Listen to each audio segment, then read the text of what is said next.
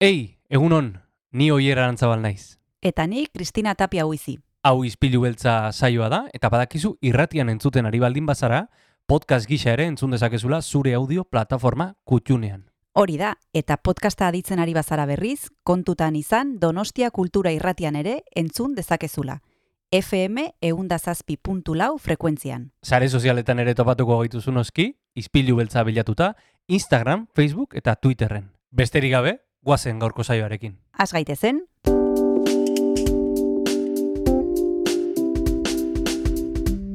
Ispilu beltza. Donostiako kulturaren berri, Oyer Arantzabal eta Kristina Tapia buizirekin. Egun honen zule, otxailak amabos ditu, asteazkena da, eta bagatoz ispilu beltzearen parean jartzera hemen Donostia kultura irratian. Egun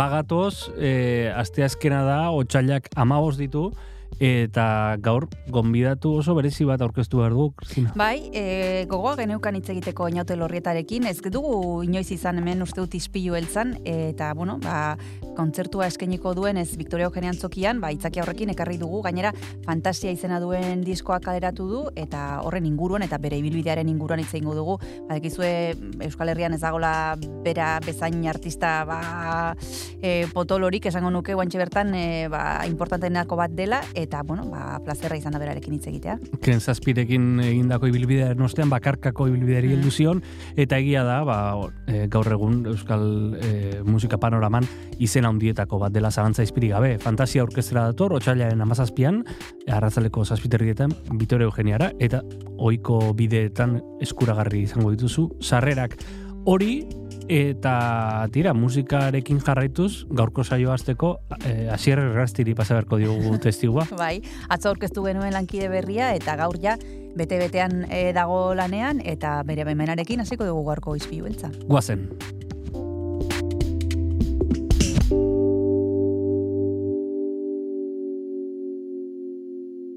Kaixo entzule ongietorri ispilu beltza saiora gaurkoan programari, ba, era lasai baina polit baten emango digu hasiera. Kasu honetan, Oriok eta Donostiak elkarbanatzen duten gauza zoragarri bati egingo diegulako erreferentzia itxasoari. Hau da, Benito Lertxundiren itxasoari begira.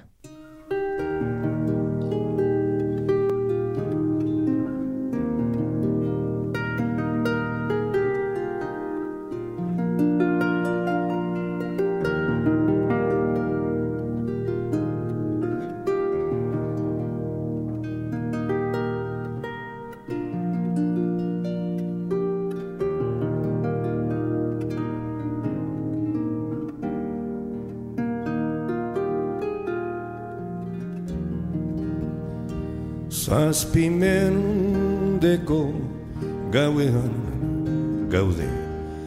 Gure loretan sasi Irrintzi oiu eleta ulo Marmario eta ganrasi Aizeren bata brisa galerna Gaur ungar bibiar nasi Saketaularen zuri beltzetan. Arratz gozo egun gazi Aitxan sorik ez bagen euka. Zer izone garren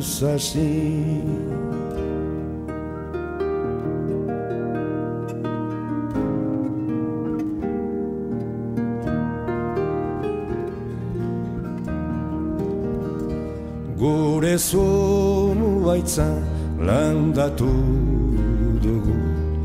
Amildegi muturrean Adarrak daude ertzetik aruz Sustraiak berriz lurrean.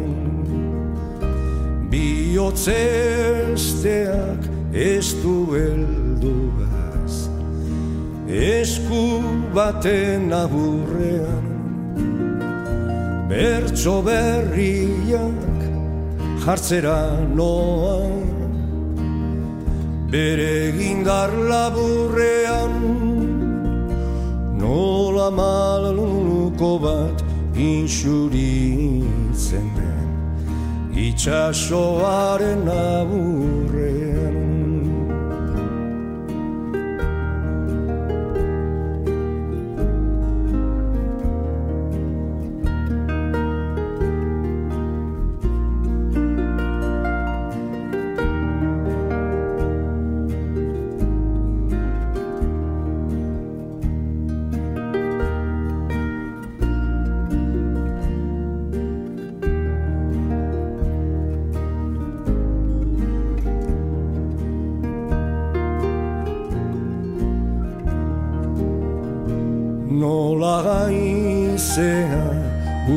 zale Eguzkiaren hiltzeran Nola kaioak zora bioan Itxasen bat aberuzperan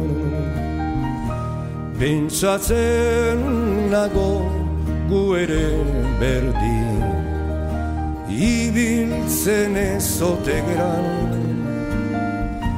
susmoa daukat guren patua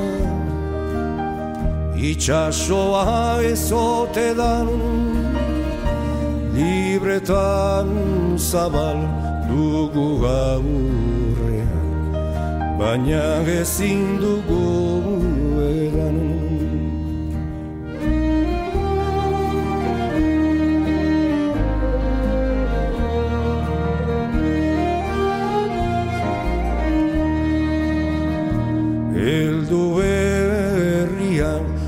sustraietatik tira eta goran jaso. Jarri kantauri aurrean eta mantendu zutik amorizo Izpilu hortan ikus gaintezen Herri zerri hauzo zauzo zauriak gatze zitsi ditzagun. Malkoak ure zera son sanotan libre irlatik iba. Salbatuko daran kaso.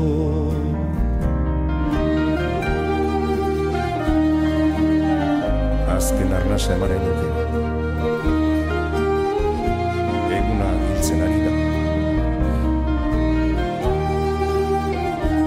azken arna zeman nahi nuke. Bertsoak intzuten dira.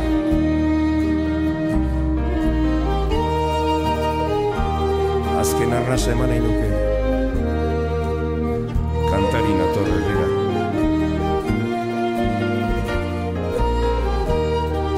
azken arna ematen dugu.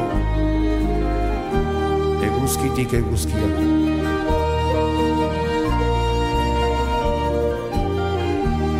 azken arnasa eman nahi nuke. Itxasoari begira.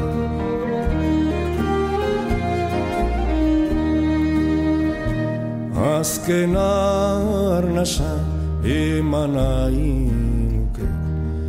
Eguna hiltzen abari Azken arnasa eman nuke. Bertsoak entzuten dira azken arnasa eman nahi nuke. Kantarina torrerira azken arnasa ematen dugu. Eguzkitik eguzkiran. Azken arnasa eman nahi itxaso bari bengira azken arnasa ematen dugu.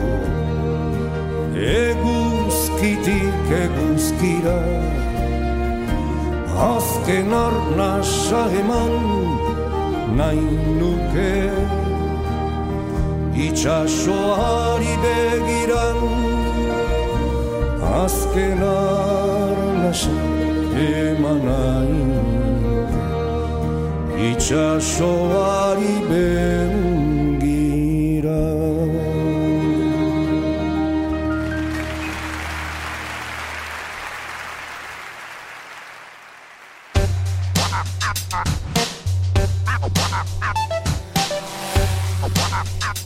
Donostia Kultura Irratia. Zabaldu gurekin Donostialdeko kulturaren leioa.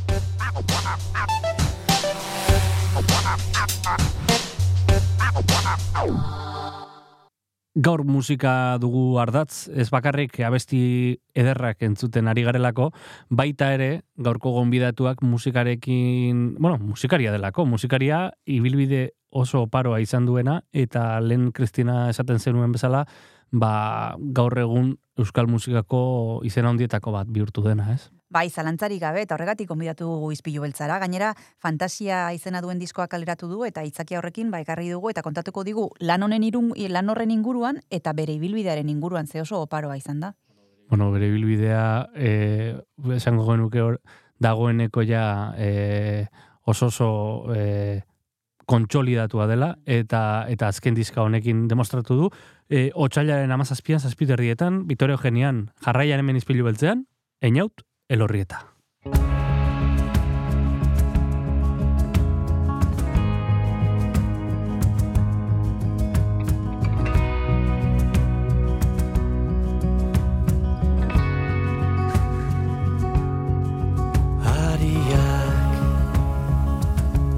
Gurasoen ariak Alabearrarenak Norbere gorputzarenak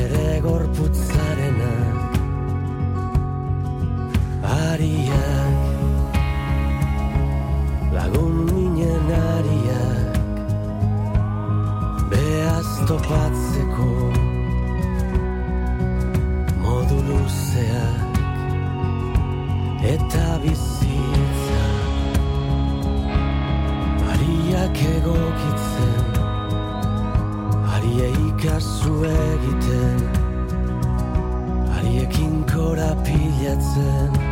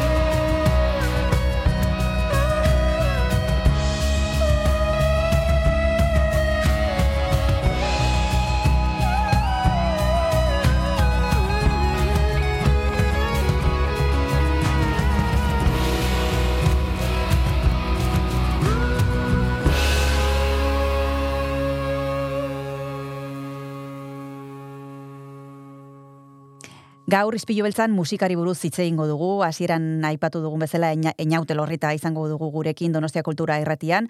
Gogoa geneukan egia esan e, artista ekartzeko, uste dut inoiz ez dela egon gurekin, eta Victoria Eugenian eh, emango duen kontzertua, ba, otxaiaren amazazpian, aitzakia izanen da. Egun honen zer modu zaude? Egun hon, oso ondo, oso ondo, oso. Bueno, esan bezala, egongo zara Victoria Eugenia antzokian, otxaiaren amazazpian e, izango da kontzertu arratsaldeko zazpiterdietan. E, zer prestatu duzu e, kontzertu ontarako? E, badekigu e, lan berria aurkeztuko duzula, horrez gain egongo da beste zerbait, zer prestatu duzu? Bai, bai, izango da fantasia deitzen da, azkenengo eh, albuma, eta hori bizkarrezur duen eh, ba, repertorio bat eh, prestatu dugu, diska orkesteko, baina Mhm. baita ere ba, joko ditugu ba, horretik eh, sortutako hainbat kantu, ez da?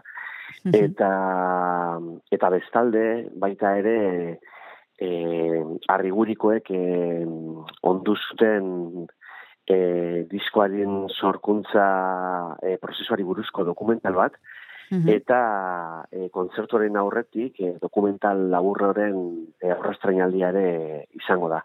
Beraz, eh, hogei bat minutuko dokumentala ikusiko dugu eta eta ostean e, kontzertua izango da, nik uste dut e, ba, oso emanaldi berezia eta derra izango dela.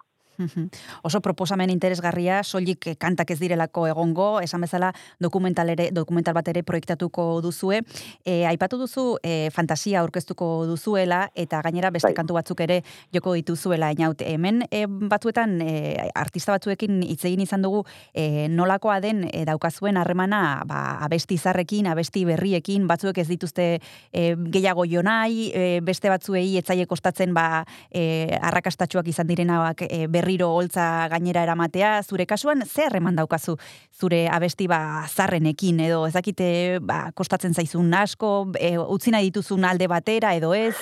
E, ez, e, gustora, gustora kantatzen ditut e, abesti zarrak ere. Egia dana da, azkenean behar bada sortu nituenean, sortu nituen e, nunbaitetik, eta behar bada badira kantu batzuk, ba, nigan errezago e, zahartu direnak, eta beste batzuk, ba, esain, esain ondo, ez da, esan nahi dut, behar bada, ba, norberak e, emozio batzuen aurrean daukan jarrera aldatzen duan bezala, edo, edo gauzak bati buruz pentsatzen duena aldatzen dijoan bezala, ez? Etengabeko Mhm. aldaketa batean goazela uste dut, e, maila intelektual eta maila emozionalean, eta behar bada, horrek egiten dizu, ba, ba, kantu bat hainbestez e, sentitzera do sinistera, ezta? Eta orduan, e, hor, e, egin behar izaten duzu e, nolabaiteko kantuaren barruan birkokatu behar zerela esango nuke. Eta batzutan behar bada e, zeo zerrek bultzatuta sortu zen duen, baina em, lortzen duzu e, gaur eguneko zure momentu vitalean e, e, e, egokitzea. Eta Mm. gainera, e, sorpresa handiak ematen eman izan dizkit horrek. Mhm. E, momentu batean e, ezustean gauza berriak sentiarazten dizkidalako Mm. ba, nigan hain errotua zegoen kantu, aspaldi sortago kantu batek, ez da? Beraz, e, normalean, e, nire kasuan bintzat apasionante izaten da prozesu hori. Ze ondo. Esan bezala, fantasia e, izeneko lana e, aurkezeko aprobetsatuko duzu Victoria Eugeniako kontzertua. Em, badekite hau e, eskatzea zaila dela, baina nola deskribatuko zenuke e, disko hau einaute, zer aurkitu aldugu barruan? Ba, nik esango nuke nire orain arteko e, proiektu biluziena dela, Mm. e, pizkate e, elementuak kenduz eta esentzia zainduz eta mantenduz e, egindako bide baten e, emaitza da.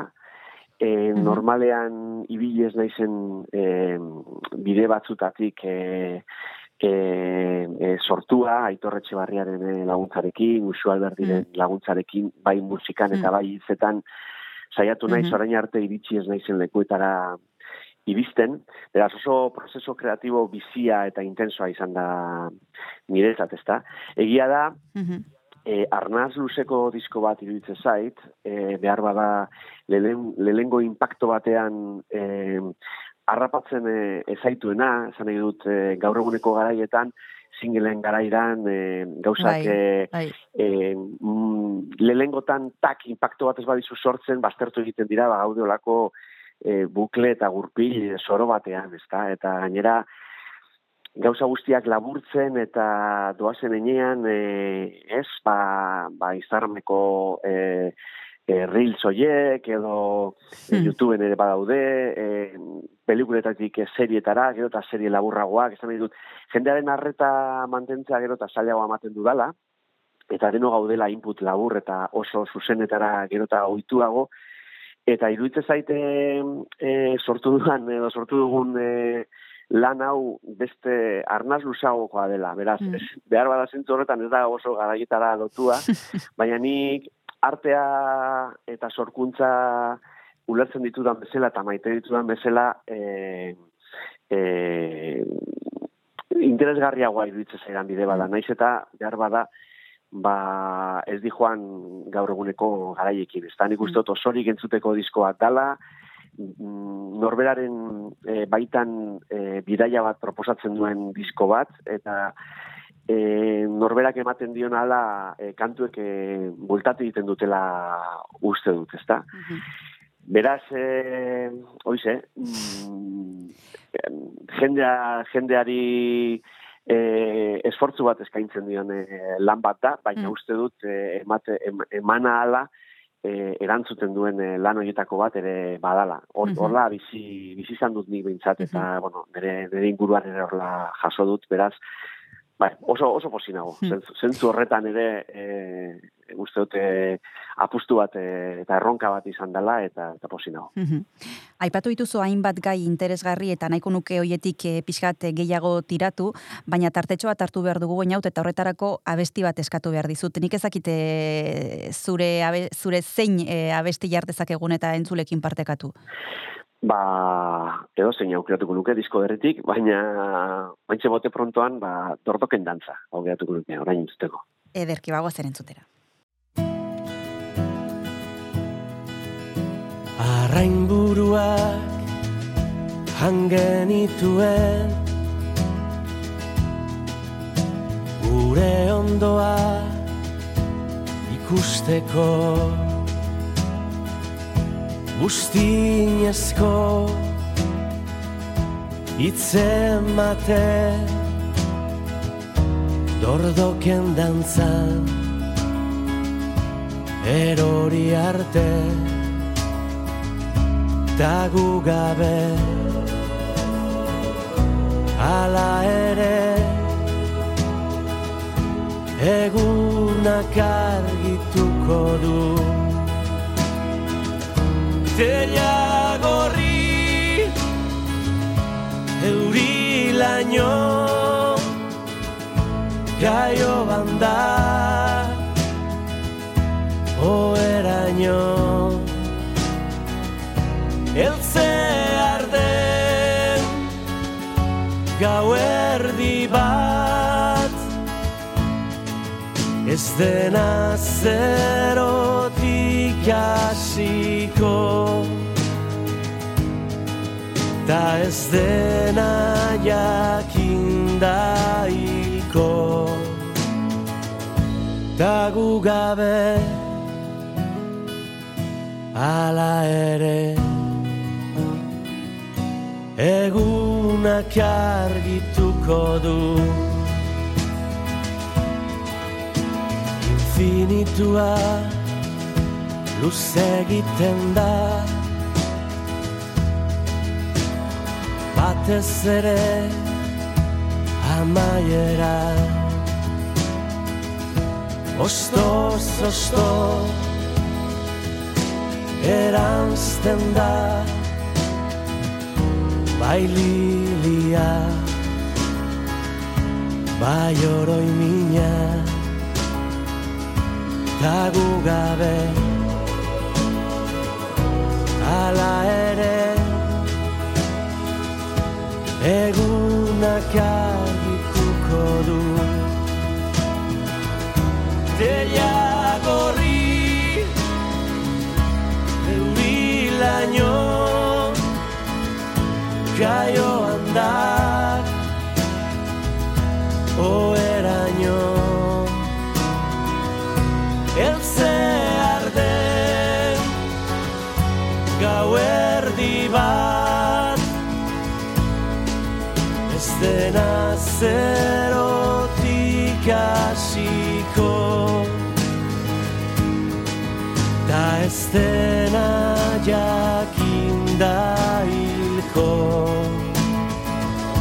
Ta gu gabe Ala ere Egunak argituko du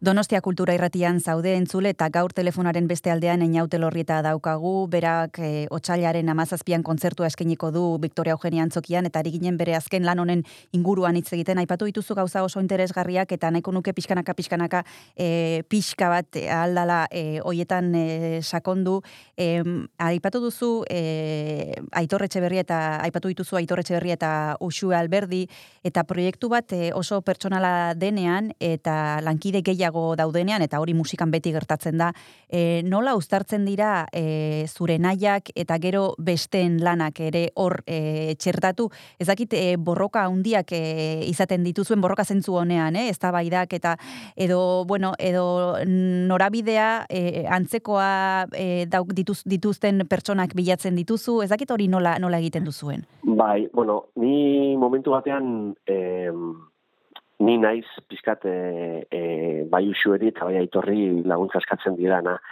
Eta eskatzen diet, e, uste dudalako, e, lortu nahi dudan hortan lagundu dizaketela, ez? Mm Orduan, ja ziratik beraikin e, e, itzegin eta beraikin ulertzen duteni norintza ju nahi dudan, eta orduan hor bide bat e, elkarrekin e, diseinatzen da, ezta? Mm. E, norantza bat esan daigun. Gero en, uste dut nire partetik eta uste dut bizkontan lortu dudala e, egon behar da konfiantza bat eta abandonatze bat. E, azkenean e, nire sorkuntza e, oso bakarkako e, e, sorkuntza da. Mm. Orduan, e, dauzkasunean ondoan olako aliatu batzuk, kompa, ja, ulertzen dutenak noruntza ju nahi duzun, e, oso lagungarri izaten dira. Ze azkenean bakarrik e, erabaki bila bat hartu behar dira, eta, eta batzuetan e, sortzen ari zareti zaren hortatik pizkat urruntzea edo kanpo begira bat mantentzea e, kriterio baten barruan, mm. ba, ba izat, bere bizikoa dela irutze zait. Eta uste dut beraiek hori eskaini didatela, Eta uste dut nik ere eh, eskaini dela konfiantza eta nola ere beraien besotan abandonatu naizela momentu askotan, kaso indi dela, e, alegia, txintxo, txintxo. Mm -hmm. ni bizkat ba naiz gauza guztien gainean egotekoa, mm. eta e, erabaki guztiak hartzekoa, eta nik uste dute diskontan iniz gaino gehiago, goiz ez, beraien besotan e, abandonatu nahi zela, mm eta horrek e, iruditzen asko aberastu dula mm. sortu dugun hau ez. Mm Aipatu duzu e, baita ere inaute orain arteko zure proiekturik biluziena dela eta esfortzu bat eskatuko duela eta egian ez datorrela bat e, gaur egungo garaiekin. Hmm. Ezakit falta motatzen dituzun e, beste garai batzuk, e, zezuk ezagutu dituzu beste garai batzuk, e, eta bueno, gaur egun ba, bizi ditugu, bizi ditugunak, eta zuk hemen oraintxe bertan aipatu dituzu, ez? Internet, YouTube, Reelsak, eta, eta bar, eta bar, eta bar, e, musika bai. disfrutatzeko moduak asko aldatu egin dira, eta nik ezakit asko kostate zaizun e, ba, horrere zure lekua berriro e, hartzea, eta, eta bueno, e, ba, adaptatzea nola bait? Eh, ez naiz bat ere nostalgikoa zentzortan, eh? Erutzen mm. mm. batzutan tendentzia izan dezakegula iraganeko garai batzuk noraite, idealizatzeko edo mm. eta tot garai guzti dauzkatela e, beraien abantaila, beraien arriskuak, beraien e, bondadeak eta edakit, argi eta itzalak azkenean, ez da? Mm.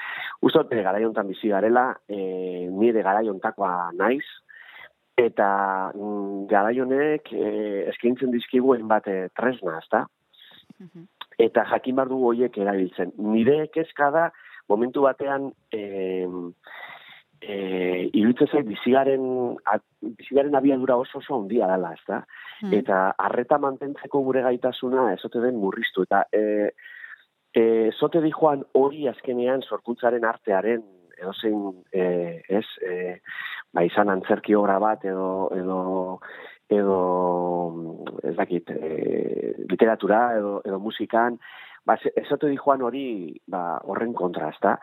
Adibidez, e, e, pandemia ostean eta e, aipatu izan da, adibidez, liburuak gero eta gehiago, e, gehiago saldu izan direla, eta, bai, bai. eta jendeak badauka adibidez literaturan, eta ez, horrek ere eskatzen du patxada bat, ez, eskatzen du, ez, e, e, liburu bat irakurtzeak e, denbora hartzea, eta horrek eskaintzea, eta ematen du hori ere, daiteke den epatu dugun horren kontra, baina ez da hori efektu hori gehiegi antzematen ari, omen, nik e, e, irakurri duan agatik, eh? entzun duan agatik. E, baina bai ikusten dut e, e, musikan izaten ari dela bere, bere eragina. Eta eta ni bana izen hortan e, entzule bezala ere gustatzen zaite algunak osorik entzutea, inkluso entzutea e, sortzaileak e, ezarretako ordenean, Hmm. E, behin eta berriz entzutea, e, lan bati aukera hori ematea, gero deskurritzen zoaz behar bada hasieran arreta iztu izun kantua pizkat indargaldu duela eta eta gero e, hasieran ba, gehiegi izan ez dizun e, e, sorkuntza batek bapatean ikutzen zaituela eta eta eta bueno, harrapatzen zaituela, ezta? Eta e, guzti horrek bere prozesua daramala uste dut eta bai, bai iruditzen zait gaur egun e, e, ez, ez garela iristen e, gauza bizitzera, behar bada ez diogulako, hainbeste harreta jartzen adibidez musikaren kasuan, eh? Mm. Ez, literaturan adibidez, e, uste dut e, ez dela, ez dela horrela, baina, baina musika gintzen uste dut, aietz. Eta ni entzule bezala eta sortzaile bezala, ba, ba naiz, e, horren, horren salea, ez beste pausa horren salea, eta eta gauzegi denbora emate, emateko salea. Oraintxe bertan segituko dugu zurekin hitz egiten, deskantsu bat hartu behar dugu eta horretarako abesti bat eskatu behar dizute. Zer jar dezakegu orain inaut? Ba, uste dute diskoko kantu berezinetako bat e, dela, e, susko lili, aukeratuko nuke. Ederki bagoazen entzutera.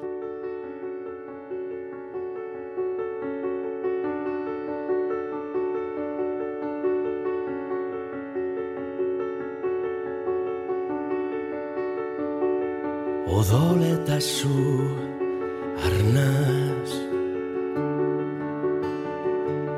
Ardo eta gaz zara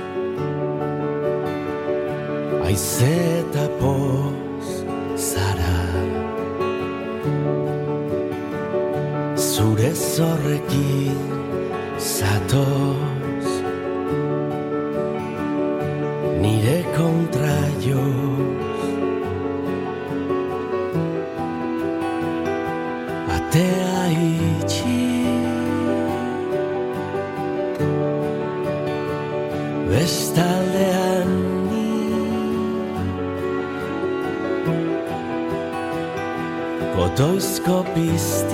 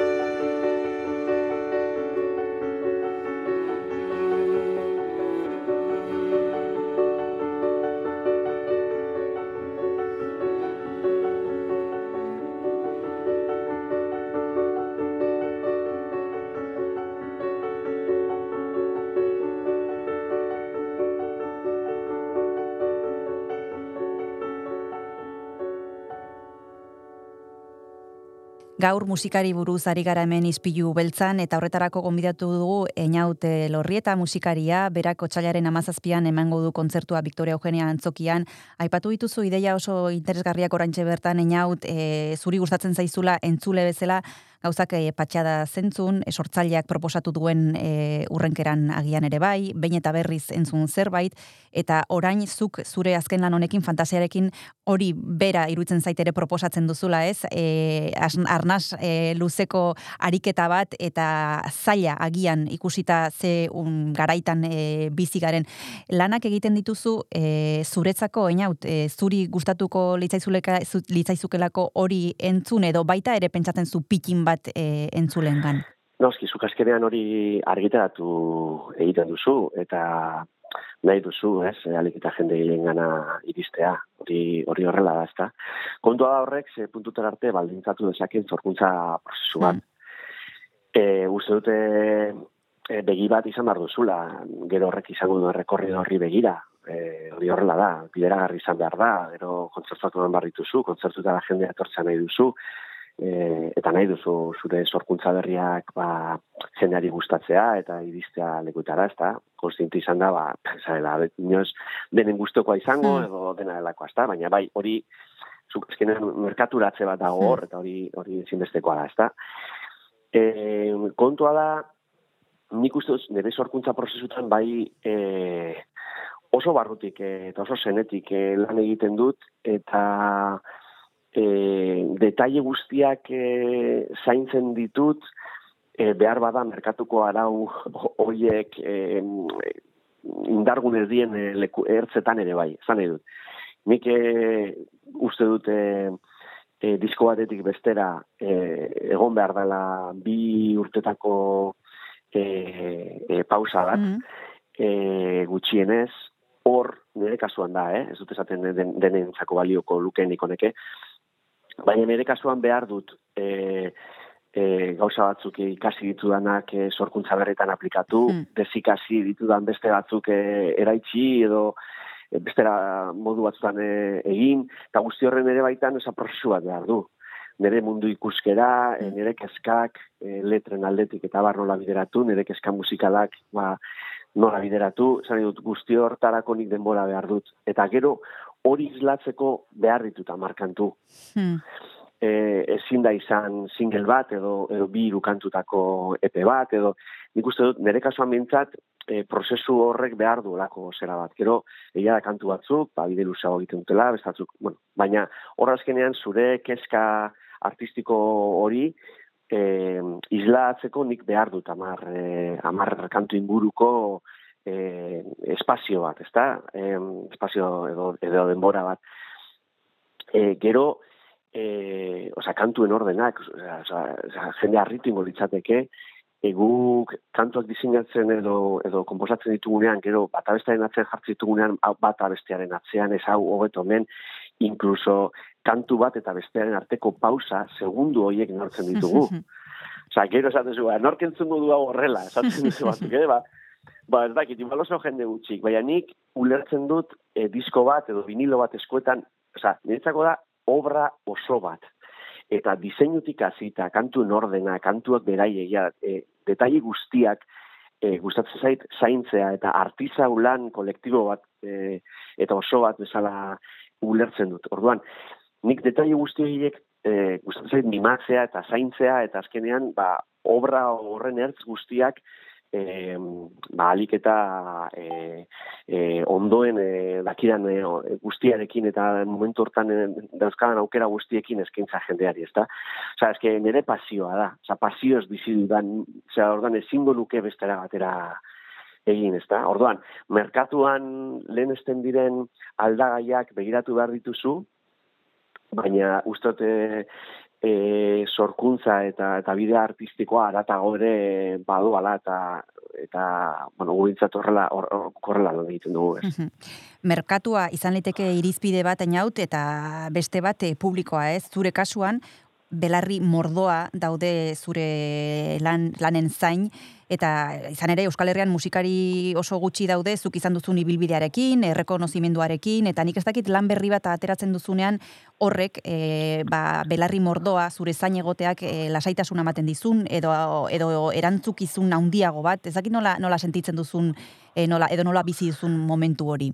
Bai, ni oso sortze duen sentitzen naiz, esan nahi dut e, oso babestuta sentitzen naiz publikoaren gandik, eta eta zuk lan bat ateratzen duzunean jakitea hor ba mm, egongo dela ja harreta bat eta ez ba jende bat e, hori entzungo duena eta hori kristona da.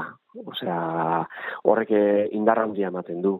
Erantz osea erantzunkizuna e, modu negatiboan barik positiboan esango nuke hmm, ematen hmm. dula eta eta indarra ematen dula ezta E, egia dana da, e, nik sortzen dudanean, e, oso e, niretzako da barre bidaia bat. Mhm. Eta niri kantatzeak e, sendatu egiten hauen bezala, sortzeak ere sendatu egiten hau, kokatu egiten hau munduan, hemen eta orain, mm, e, eta hor saiatzen az biltzen, ba, nire azken hilabete eta urteetako e, mugimendu guztiak, ez da, mm. barne gatazka eta eta deskurritu ditudan bideak, atzean utzi ditudanak, e, en fin, guzti hori izlatzen saiatzen naiz. Eta beraz oso lan eta e, bide personala eta eta jakin da gero hori azkenean, bueno, ba, argitaratu ingo duzula, ezta? Mm. Baina impulsoa eh, ba, barnetik mugitzen hauen indarra oso oso personala da. Hmm. Eta orduan konsiente naiz gero ba jendeak entzungo duela eta niri horrek ba ba babes handia ematen dit eta indarra handia ematen dit. Baina bere sorkuntza impulsoa personal, personalagoa da, ez dakit nola esan. Ez da, hmm. ez da gauza bat gainera razionala, eh? Osa, e, sortzera e, bultzatzen nauena eta hor mantentzen nauena eta hainbat urte eta gero, sabik, eh ez dakit hogeita bost, hogeita marrute dara mm. kantuak egiten, mm. eta mantentzen dut hasierako grina hori, eta hori da, e, nik uste dut, e, nire barrua ordenatu egiten dialako sorkuntza, kantatzeak, oza, nola ere da munduan edo bizitzan e, egoteko nire, nire modua. Mm. Eta, mm nire ba, impulso importantena sortzen dudanen hori dela ez. Bueno, pertsonala zuk sortzen duzu momentuan eta gero behin e, lan hori plazan e, e, jartzen duzunean unibertsala ere bai, ez? Eta horregatik jendea sentitzen da identifikatuta e, zurea bestiekin eta hortarako aukera izango dugu esan bezala otsaiaren 17an e, kontzertua eskainiko duzulako Victoria Eugenia Antzokian eta bueno, e, aukera polita izango dugu e, fantasia hau deskubritzeko norbaitek oraindik ez badu deskubritu eta beste kantu batzuk ere errepasatzeko eskerrik asko eina ute lorrieta izpilu beltzara hurbiltzeagatik eta hurrengora arte besarkada bat. Ba, eskerrik asko zuei eta jendeari izan oso, oso, oso, sarrera gutxi gelditzen direla, eta ja, amazazpian ikusten garen. Hori da, nahi duenak e, sarreraren bat, e, ba, bixi-bixi ibili beharko du, ez da? Eskerrik asko Bai, bai, inaut bai. eta hurrengor arte. Ba, eskerrik asko zuei, agur. Mendieze ikurrin eder Ezkena zaitu taixian Amargazteren lerdena Makila luzez bidian. Mendibitxi dorberdiok Harin ordu askantari. Dana emon bihar jako Maikedan askatasunari Dana emon bihar jako Maikedan askatasunari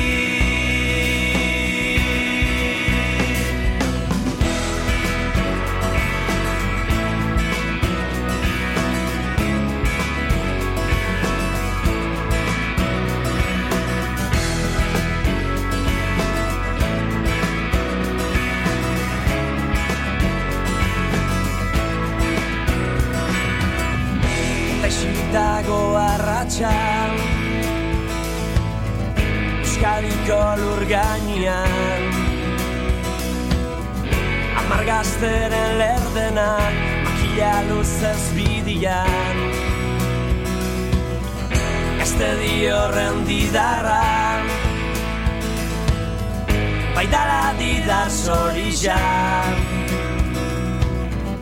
Aberri baten saminez Duri da bilerri jam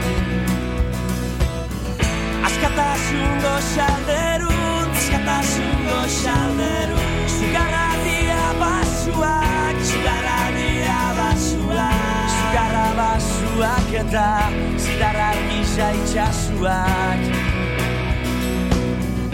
Orduan oste aldrea Aberri minez kantari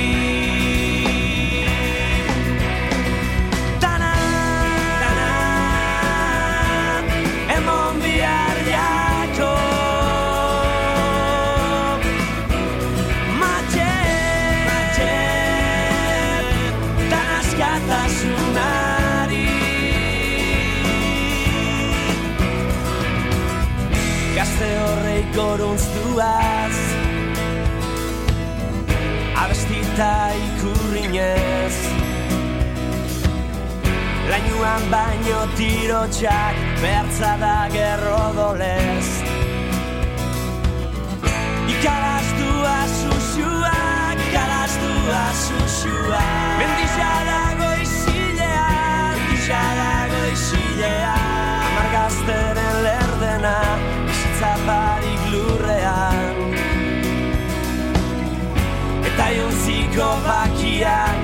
Norbaitek darrai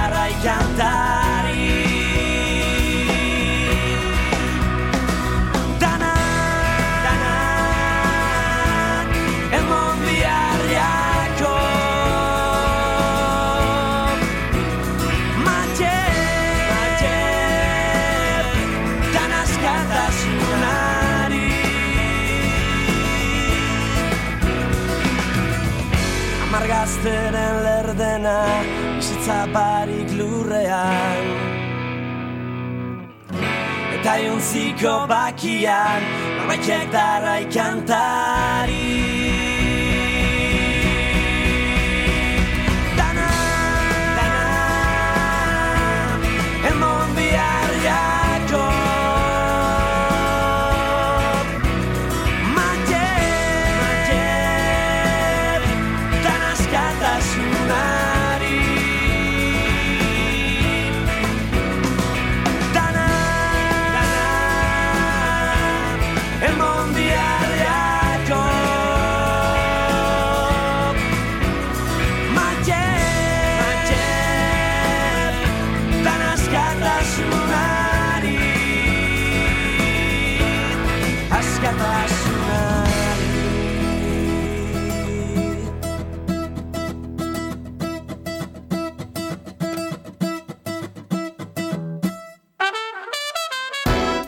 Donostia Kultura Irratia. Eun eta zazpi puntu lau. Amaitu dugu asteazkena, amaitu dugu otxailaren amabosta, espero dugu gustora egon izana gure uinetan, dantzan, gaurkoan gainera musika derrarekin, eta iragarriko dugu bihar osteguna zer izango dugun. Ba, bihar musika gehiago, hier, baino beste eh, motatako musika bat, La Bienqueridako Ana a Fernandez Villaverde izango dugu, martxoaren bostean eskeniko duelako kontzertua, badekizue gure ahotsak ekimena datorrela, eta berak parte hartuko du ekimen horren baitan, eta musika izango dugu, eta gainera, zinema Josemi Beltranekin. Zinemaren inguruan Josemi Beltranekin, e, beti izaten da plazerra subtitulos atalari heltzea, eta filmen inguruan, zinemaren inguruan hitz egiten aritzea, baina hori guztia bihar izango da, osteguna hemen izpilu beltzean, Donostia Kultura Irratian. Gogoratu, goizero, goizero, sintonizatu dezakezula Donostia Kultura Irratia FM eundazazpi.lo frekuentzian, eta saioa entzun gai duzula goizeko zazpiterdietatik gutxora bera, edo zein audio plataformatan. Bertan ere deskargatu eta osorik entzun dezakezu. Besterik ez, Kristina gurtuko gara eta bihar arte. Bihar arte, oier, Aio, aio. agur.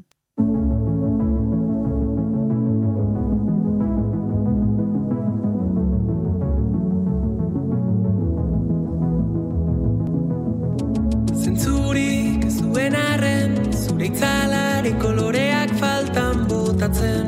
Hasi naiz amabiak aldera gauero Unetxo batez. Gauzak aldatzen han eta hemen Itzurunen eguzki aukitzeko gai ginen. Agian zu ere oroituko zara noizean behin. Aldrebe xamarra naiz batzutan Oraindik. Urduri jartzen naiz begitara zuzen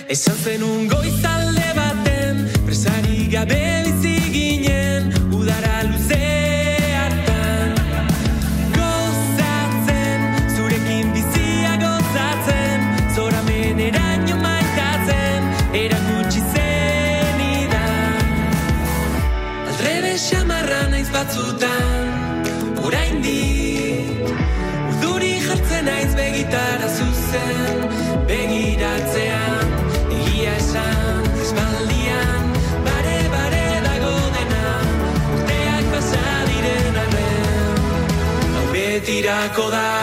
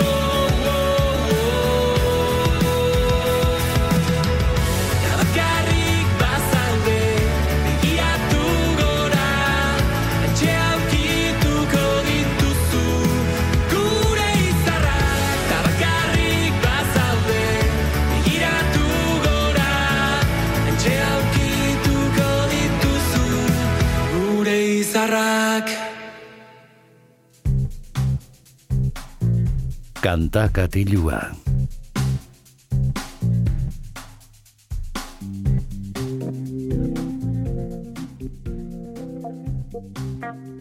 Ongi etorri entzule kantakatilua atalera, ispilu beltzan jarraitzen dugu eta badakizue atal honetan datozen eh, minutuak eh, musikari eskainiko dizkiogula. Atzokoan, eh, bueno, ba, euskal musika izan genuen izpide eta gaurkoan ere izango ditugu, eh, euskal kantak noski, baina eh, tarte honi era lasai eta erlaxatu batean hasiera emateko, gaurkoan eh, jamaikara egingo dugu bidai, izan ere bertakoak direlako deskatalaist rigi talde mitikoa. Egia da, deskatalaist, e, bueno, aspaldi sortu zela, e, hain zuzen, e, mila bederatzireun eta irurogeita laugarren urtean. Hala ere, urte bete irauntzuen, e, bueno, bat taldekide originalekin taldeak aktibo, eta mila bederatzireun eta laurogeita bederatzigarren urtean beste taldekide batzuekin gehienak zendu egin zirelako, ba gaur arte e, eskaini dizkigute eta eskaintzen jarraitzen dizkigute beraien obra eta pieza eder guzti horiek. Kasu honetan guk pieza horietako bat hartuko dugu. Ball of Fire albuneko Swing Easy.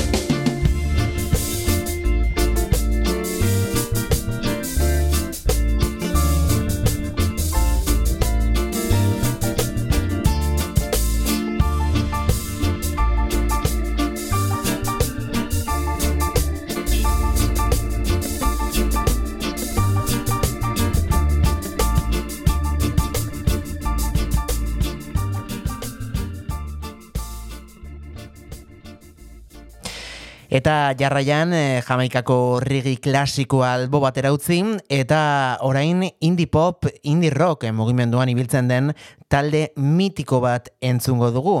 Orain sartu naiz Spotifyen eta ikusi dut hilabetero hilabetero ia lau milioi entzule dituela talde estatu batu honek, ea izena ondo esaten dudan Death Caf for Cutie hori hori da talde honen izena ez da erresa esaten, eh? Eta eta egia esan, eh, bueno, ba rock alternatibo honetan eh, oso oso entzuna eta eta arrakasta handiko taldea izaten jarraitzen du naiz eta 97garren urtean, eh? Sortua izan zen eta gaur egun ere oraindik festivalez festival ikusial izaten ditugun. Ba, kasu honetan guk eh, Narrow Stairs albumeko I Will Possess Your Heart kantua entzungo dugu.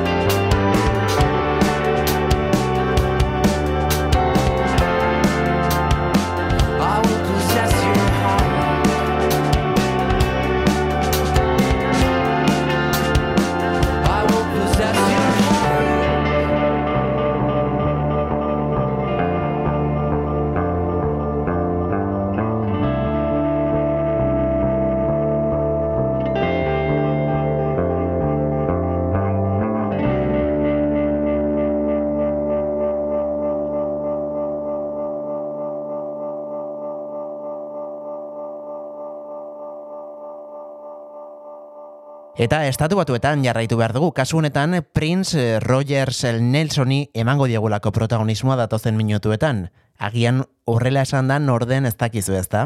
Bueno, batira, Prince, Prince handia zari gara, bera, bueno, badakizu estatu batu errazela, Minneapolisen eh, jaiotakoa, eta 2000 eta amasei garen urtean utzi gintuela, e, zoritxarrez, e, bueno, ba artista erraldo jonek. Munduak ezagutu duen e, musikari onenetarikoa da dudari gabe, hori ez du inorrek e, bueno, dudan jartzen, eta egia esan, e, bueno, bere estrabagantzia, ez? Bere eklektikotasunaz ere egintzen famatu, estenatokian, bueno, sekulako janskerak, sekulako dantzak, sekulako e, performantzak e, sortzen zituelako musikaz gain e, hori zelako ez, berak ere musika ulertzeko zuen, bueno, ba, baera, eta kasu honetan guk e, Princeen kanta bat e, entzungo dugu jarraian, mila bederatzireun eta laurogeita laugarren urtean Purple Rain izena zuen albumunari, izena jartzen dion abestia duena. Purple Rain, Prince.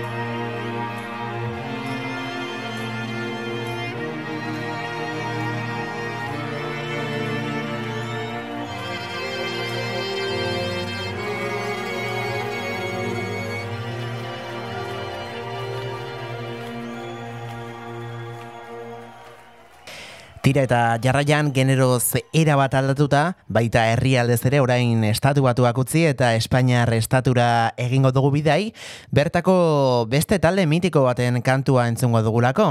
Aurkezpen gehiagirik ere ez du behar talde honek, Mago Deoz taldea zari garelako, Wikipedian sartu behar izan naiz ikusteko, bueno, noiz izan zen sortua Mago Deoz talde madrildarra, eta, bueno, arretuta geratu naiz, mila bederatzireun eta laurogeitik eh, dabiltzarako aktibo, eta egia esan guk eh, jarraian entzungo duguna ere, ba, 2000 eta irugarren urtean eh, album bati izena jarri zion kantua izango da, Gaia.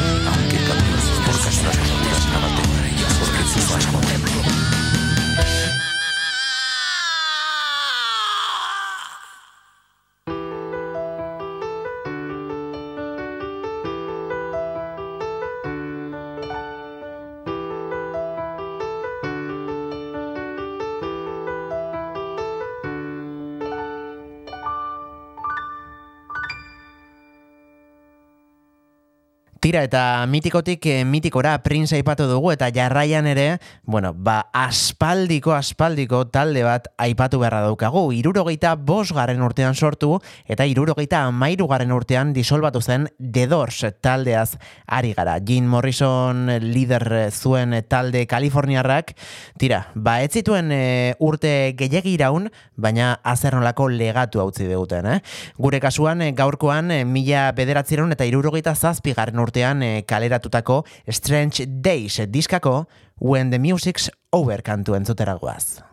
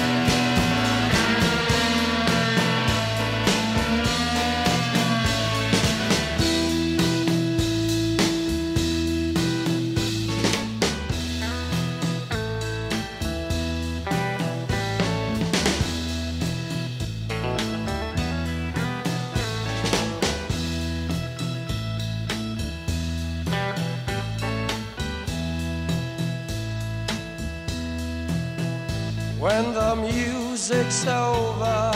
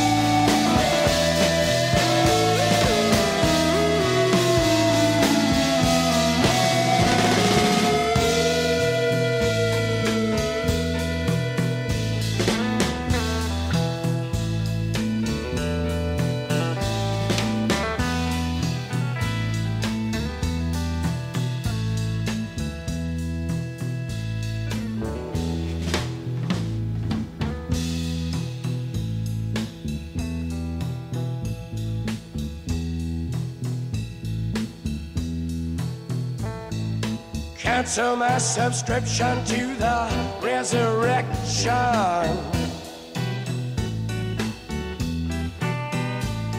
Send my credentials to the house of detention. I got some friends inside.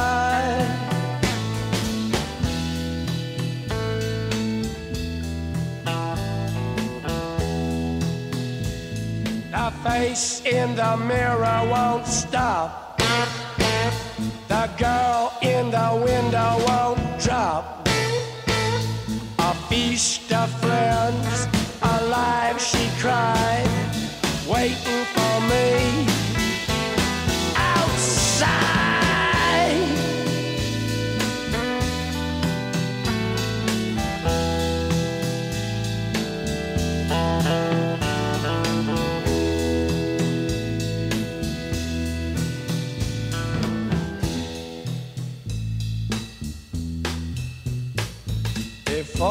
Sing into the big sleep, I want to hear. I want to hear the scream of the butterfly.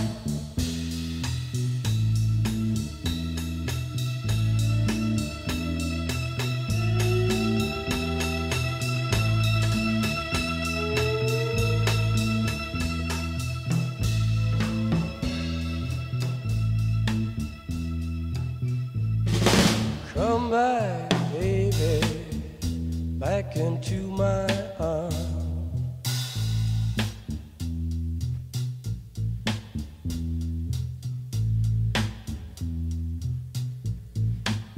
We're getting tired of hanging around.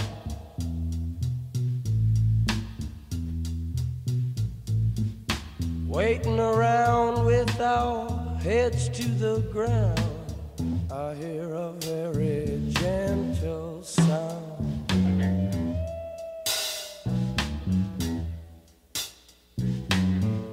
Very near yet very far, very soft yet very clear. Come today, come today.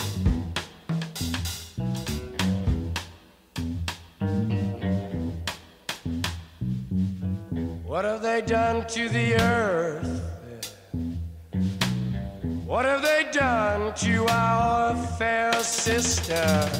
Ravaged and plundered and ripped her and bit her. Stuck her with knives in the side of the dawn and tied her with fences and dragged her down. I hear a very gentle sound.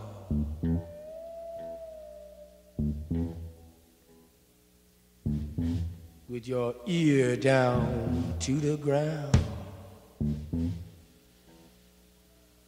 We want the world and we want it.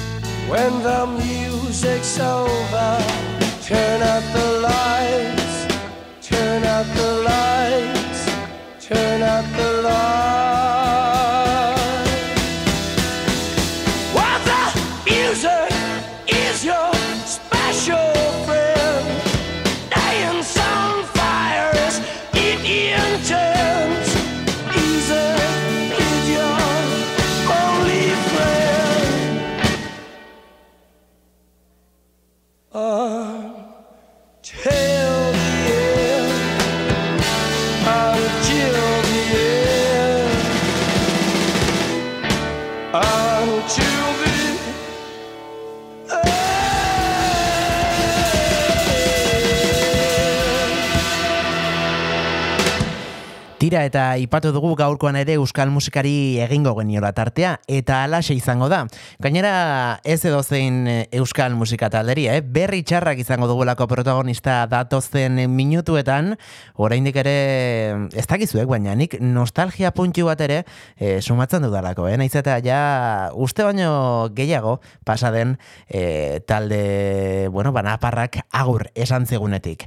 Kasu honetan, jaio musika hil bere disko mitikoko, 2000 eta garren urtean kaleratutako kanta bat entzungo dugu. Breiten du izena, eta fana balimazara, ziur ezagutzen duzula.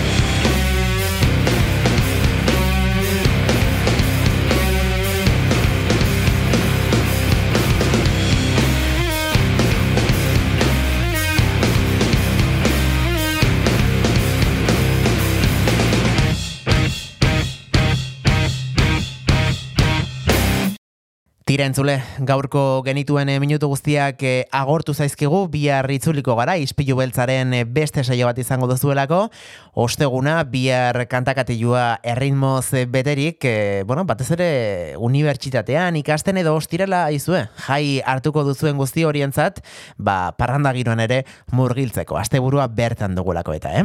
Hori bai, agurtu aurretik eh, kanta eder bat entzungo dugu, niri behintzat eh, gustatu zaidana, kanta ez da berria originala, duela berrogei urte kaleratu zuelako Michael Jackson, The King of the Popek, thriller diskoa, eta bueno, ba, diskoari izena jartzen dion thriller kantu ere bai. Batira, berrogei garren urte hurrenaren arira, kantu original hartu, eta remix bat sortu du bere disketxeak aipatu moduan, eta kanta horrekin agur esango dizuegu. Bihar arte, badakizue, txintxo ibili, eta piztu irratia.